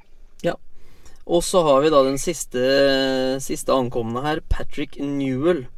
Eh, jeg har vel egentlig bare overskriften fart og spenning, eh, ut ifra det jeg har sett av han tidligere her. Ja, han eh, har også fulgt med på han eh, Man må jo følge med på han eh, selvfølgelig når han kommer inn som siste tilskudd, som du sier. og eh, Han har kanskje ikke fått vist seg fram så mye som man håpa sett, men det handler jo litt om at han kom inn litt senere, vært i karantene og ikke hatt fullt så mange treninger som de andre. Men det lille man har sett, da, så, så har han et Han har bra fart på jernet, han er god teknisk. eh, god til å finne pasningsalternativer, eh, eller legge inn rett og slett på mål. Og, og Han har gjort seg allerede et par bra assist der, og, og jeg tror du kommer til å se veldig mye av en eh, teknisk eh, skøytesterk Patrick Newell i sesongen. Ja, og vi hadde jo denne podkasten før sesongen i fjor òg, og der var jo på en måte veldig mange som snakka eh, veldig varmt om denne Thomsen, mens jeg holdt jo da veldig på denne Magoli. At han kom til å være fantastisk god. Og det Akkurat den oppfatninga her har jeg om denne Patrick Newell òg. Utover i sesongen her så kommer vi til å ha en fantastisk god hockeyspiller når han kommer inn i det. Så jeg har jo vært såpass eh, eh, stor i munn at jeg anslår at denne spilleren her han eh, kommer til å virkelig herje i ligaen. Og det, det er jeg nesten sikker på. Så, for jeg har sett den såpass mye på video og sånne ting nå at eh, den spisskompetansen han har på farta si, det Her kommer det til å gå unna. Ja, det tror jeg også. Og det er som du sier, Han er eh, en veldig god hockeyspiller, og jeg gleder meg til han får ut sitt eh, potensial, for da blir det gøy å være stjerne. Ja, uten tvil. Eh, Så det vil si at vi har jo da henta inn mange nye spillere utenifra her som har både spisskompetanse og den evnen til å Hva skal vi si? Spre litt glede blant ungguttene i Stjernehallen nå. Kan ta også det med hvordan importene er. Eh, For det har vi også snakka litt om tidligere. At det er viktig at de eh, byr på seg sjøl, i hvert fall for disse unge spillerne i klubben. Så her om dagen så var jo denne sønnen min og så på en eh, A-trening oppe i Stjernehallen, og sto der rimelig alene, og da kommer jo Tyler Colter bort og Do you want this puck? Og guttungen nikka på hodet, han, og fikk jo pucken, ikke sant? Bare fordi han var der. Og det, det er de der småtinga som gjør så mye, da. Ja da, jeg er helt enig med deg, Jørgen. Og, og både du og jeg er eh, veldig mye oppe i Stjernedalen, også utafor A-lagskamper. Eh, min sønn også, han er eh, en av de som spiller på de yngre lagene, og det er klart at han også står som sønnen din og ser på mye hockey, men, men det at de guttene kommer bort og, og gir en liten sånn high five eller et eller annet, det er jo også for de unge da, så er jo det superstjerner. ikke sant? Det er jo verdens beste hockeyspillere. Eh, og Når de kommer bort da og gjør et eller annet mot dem og hilser litt på og sånne ting, så, så skaper det så mye glede hos eh, barna. Noe jeg har sett veldig veldig ofte før også. Eh, spesielt Heie også er veldig flink til det. Og, og det, er, det er veldig viktig eh, at de skaper seg et godt bilde, og det gjør også at barna ønsker å komme tilbake til Stjernehagen. Ja, uten tvil. Eh, Og i dag, så for også å skryte litt av det, så han eh, Preben Radben Arntzen her var jo også med som keepertrener på disse småguttas trening i dag, og det er klart for disse keeperne der, så er jo det Ja, det er jo rett og slett å være i himmelen, det. Ja, ja, ja, absolutt. Så det det er veldig bra. og, og vi, vi bare gleder oss vi nå til sesongen starter. Uten tvil. Eh, Nå har vi snakka om disse nyankomne spillerne våre. Eh, Det er klart vi har jo litt ekstra fokus på vår egen klubb i denne podkasten. Men eh, vi har også veldig mange av våre egne og de som var her i fjor, de som kom i fjor, som har blitt et år til her. Vi kan jo begynne da med Niska Kangas. Har sett veldig frisk ut under oppkjøringa her. Ja da, et eh, fantastisk bra håndleddskudd og, og god fart på skøytene. Eh, altså, som du sier, sett veldig bra ut i oppkjøringa. Og, og får han liksom ut sitt fulle hele jeg, så, så skal det bli poeng også der, eh, tror jeg. For han er, eh, han er, han er eh, virkelig en prikkskytt. Ja, han husker jeg ikke helt om han Jeg tror han endte på en sju mål i fjor, eller noe sånt noe. Og han har vel fire eller fem i allerede nå i treningskampene her. Han har sett meget, meget bra ut, både på trening og kamp. Så Ja, hvis det løsner for Niska Kanga, så har vi på en måte en eh, eh, Da har vi på en måte en spiller til som kan eh, avgjøre kamper her, og det, det er viktig. Og det er vel også litt derfor at vi har vi har flere av disse. Vi kommer tilbake til flere av dem. Men er, jeg mener at vi har flere spillere som kan produsere poeng enn det både Sparta og Lillehammer har, og det er derfor vi har vippa oss foran dem på tabellen. helt riktig. Vi har jo også da Andreas Heier. Ble jo toppskårer i ligaen i fjor. Eh, har skrevet under ny treårsavtale og også årets kaptein. Hvis han eh, viser den samme formen som i fjor her, så Eh, det er ikke noe tvil om at den førsterekka vår kommer til å Ja, hva skal vi si være blant de aller beste i landet. Ja, det er jo det vi trenger, og det er det vi håper på. Og, og som du sier, da, årets kaptein som signerte også eh, en ny kontrakt. Eh, viktig for klubben og, og, viktig for Andreas. Eh, jeg ser bare på det som positivt. At man ikke velger nye kapteiner og litt sånne ting hele tida. Andreas har vært et par år og, og blir også nå igjen. Og, jeg tror det er bra. og Hvis han som du sier, leverer den formen han leverte i fjor, så, så blir det bra med poeng på, på Ambjørn Jørgen. Ja, det er ikke noe tvil om. Jeg gleder meg veldig til å se den her, for han har også sett eh, frisk ut i oppkjøringa. Eh, en annen spiller som har imponert meg noe voldsomt, det er Stian Nybråten Hansen. Eh, da spiller som vi før oppkjøringa her så som på ja, ja, fjerderekkespiller. Kanskje kjempe om, og plass der. Og han har virkelig Han har rett og slett småherja litt. Og sånn som det ser ut nå, så er han jo på plass i andre rekka vår. Ja da, han har vært eh, veldig veldig bra og, og fått spille med, eh, med, med, et par spillere som har spilt eh, kanskje en rekke eller to over. Noe som han har gjort at han har tatt opp hansken og kjempa for det. Og, og, gjort seg veldig bra og synlig på banen der, som gjør igjen at han får poeng. og Det er veldig viktig. og Du ser av hva Stian er laga. Han har mye hockey i seg og kan gjøre det, eller gjøre mye poeng da på banen der. og, og opprettholder han det nivået her, så, så blir det bra med poeng på Stian også i år. Ja, Så har vi da Asbjørnsen, som også har slitt litt med noen småskavanker og sånt noe her, og vært litt ute og ikke fått sett eh, like mye av han. Eh, Michaelsen har også hatt en eh, veldig god eh, oppkjøring på løpersida. Sammen da med, med Hermansson, som jeg kanskje hadde forventa å se litt mer av i starten her. Ja, jeg også håpa vi skulle sett litt mer av Hermansson, men det kan være Anders Olsson sin filosofi, det. At man strukturerer ut dem nå i starten, og så får vi jo se da om uh, Jonte Hermansson klatrer litt i rekkene og så kniper seg en plass uh, et eller annet sted der. Men man vet jo også hva som ligger i hockey i uh, Hermansson, for han er jo også en veldig dyktig hockeyspiller. Ja, det er ikke noe tvil om det. Og sånn som vi ser det laget her nå, så har vi da rett og slett fire rekker som kan produsere poeng. Og det, det kan jeg ikke huske på en måte at vi har hatt. ja, at vi har hatt en gang. Fire rekker som er såpass gode som det de er nå. Nei, Det er jo på en måte det vi trenger. da. Eh, bra rekker som, som kan produsere og, og, være store og sterke i egen sone, og, og, samtidig da kunne opprettholde den eh, målproduksjonen. Det, det, er det vi trenger for også at vi skal klatre på tabellen. Eh, noe som er i det, den lagbygget, da, også på en måte for stjernen. Som også gjør at vi velger å legge den på en femteplass. Ja. Eh, defensivt, altså sånn som det ser ut per nå, eh, etter oppkjøring her også, så er det vel eh, Davies, Gunnarsson, Egeland Andersen, Haugen og Ellis som er rimelig sikre på laget her, av de fem bekkene der. Og så er det da Buskoven, Rønhild og Filip Hansen som virkelig kjemper om den sjette bekkplassen her. Og det er Ja, det er deilig med en såpass god konkurranse i det laget nå. Ja da, og det, det trenger vi. Eh, absolutt. Det er bra for guttene. Det er synd for guttene. og Samtidig da, så, så får man vente og se da, på hvem som eh, blir spillende hver gang. Men eh, jeg, jeg syns på en måte de har gjort seg bra ute i oppkjøringa. Eh, både Filip Hansen og, og Rønnhild og, og Buskoven har gjort det veldig bra. Eh, så det blir jo spennende å se da, hvem som, hvem som tar opp det, det siste, eller den siste hansken og slåss for den plassen.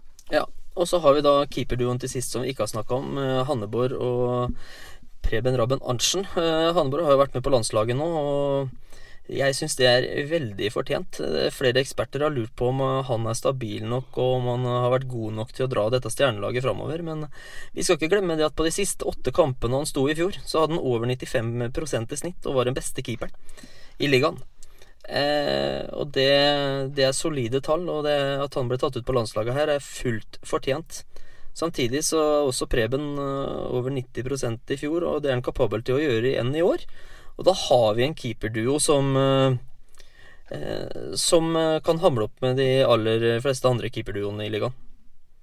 Ja da, og det, og det, trenger vi også konkurranse der, for det er veldig viktig. Og som du sier, Jørgen har vært på, på landslagssamling og, og, spilt noen kamper der, eller vært med, da. og, og Preben har stått litt, og så har vi hatt litt uh, unggutter som har vært med opp uh, som, som reservekeeper. Men jeg syns Preben har gjort en uh, solid preseason. Ja. Så med bakgrunn i det her nå, og kall det jevnheten i det laget Vi vet at det tar tid å spille inn det laget her, det, fordi at det er såpass mange nye, men det så vi også i fjor. Og det har sjelden vært så moro i, i Stjernehallen, selv om, selv om det ikke var så mange som fikk vært der, dessverre. Men eh, det har sjelden vært så moro å være i hallen som det det var når vi vant syv på rad før eh, serien ble stengt der. Og det finner vi den eh, tilsvarende formen utover når dette laget blir spilt inn, så skal du ikke si bort ifra at det kan bli ordentlig moro å være i Stjernehallen utover. Nei, Jeg gleder meg kjempemasse, Jørgen. Jeg håper at det løsner enda enda mer, og at vi får masse folk i hallen, for det trenger vi nå. Ja, Uten tvil. Så vi legger altså da Stjernen på femteplass. Da Jørgen, har vi vært igjennom eh, alle lagene vi i Fjordkraftligaen. Så kan vi jo ta en eh, kort oppsummering. På førsteplass der har vi Vålerenga. på andreplass Der følger da Stavanger. Og så har jo vi snakka litt her nå at eh, de to første plassene, der kommer det til å være jevnt. Og så tror vi at det kommer til å være et bitte lite skille ned til tredjeplassen. Og på tredjeplassen da, Patrick, så har vi Da har vi satt Frisk Asker. Og så er det da de neste plassene her som vi føler vi kan uh, nesten trille litt i terning på. For her er det, kommer det til å bli veldig tett og jevnt. Vi har da Storhamar på fjerde, Stjernen på femte, Lillehammer på sjette og Sparta på syvende. Og der kommer det til å bli et rotterace om å få karre til seg den der fjerdeplassen for å få hjemmefordel i kvartfinalen. Ja, det tror jeg blir jevnt hele veien inn. Eh, og så har jo vi vært litt, eh, litt Skal vi kalle oss litt småvågale? Med at vi da har kasta Ringerike opp på åttendeplass, og da den siste sluttspillsplassen. Ja da, og det er jo litt pga. det vi har snakka om, men jeg tror, eh, tror det blir eh, gøy ja, hvis de får til det. Ja, og da har vi da på kvalik så har vi Gryner på niende og MS på tiende. Og her nede også har vi sagt at det kommer til å bli fryktelig jevnt mellom de tre nederste laga. Ja da, det gjør det. Og det blir egentlig jevn liga hele veien i år, tror jeg. Og så er det vel egentlig bare å ønske alle sammen lykke til med seriestarten.